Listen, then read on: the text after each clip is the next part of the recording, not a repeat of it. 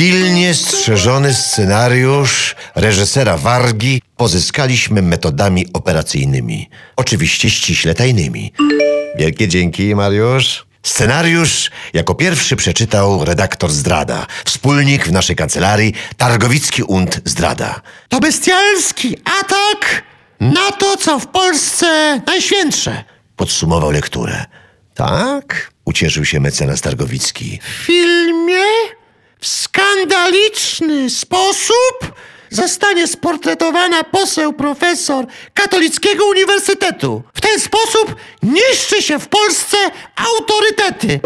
Wyjaśnił zdrada i mrugnął znacząco. Scenariusz przesłaliśmy na wiadomy adres i nie minęły dwa kwadranse godziny, gdy do naszej kancelarii wparowali ludzie Gęsińskiego.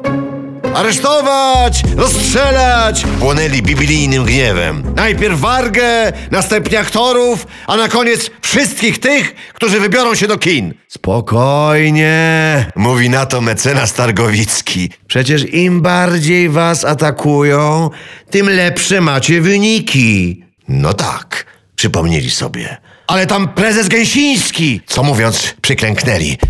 Ma zostać pokazany jako człowiek smutny i ponury. Po pierwsze powiedzcie, Zaproponował redaktor zdrada, że to film z kiepską obsadą. Bardzo kiepską. podkreślił. A po drugie, dodał mecenas Targowicki, niech prezes ogłosi, że ten film nie ma nic wspólnego z rzeczywistością. Jak to? Zdziwili się. Nic wspólnego?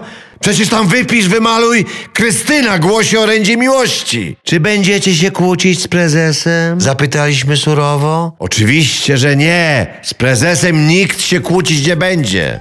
Przynajmniej to jedno wiemy na pewno, że powstaje zwykła bajeczka. Więc o co cały ten zgiełk?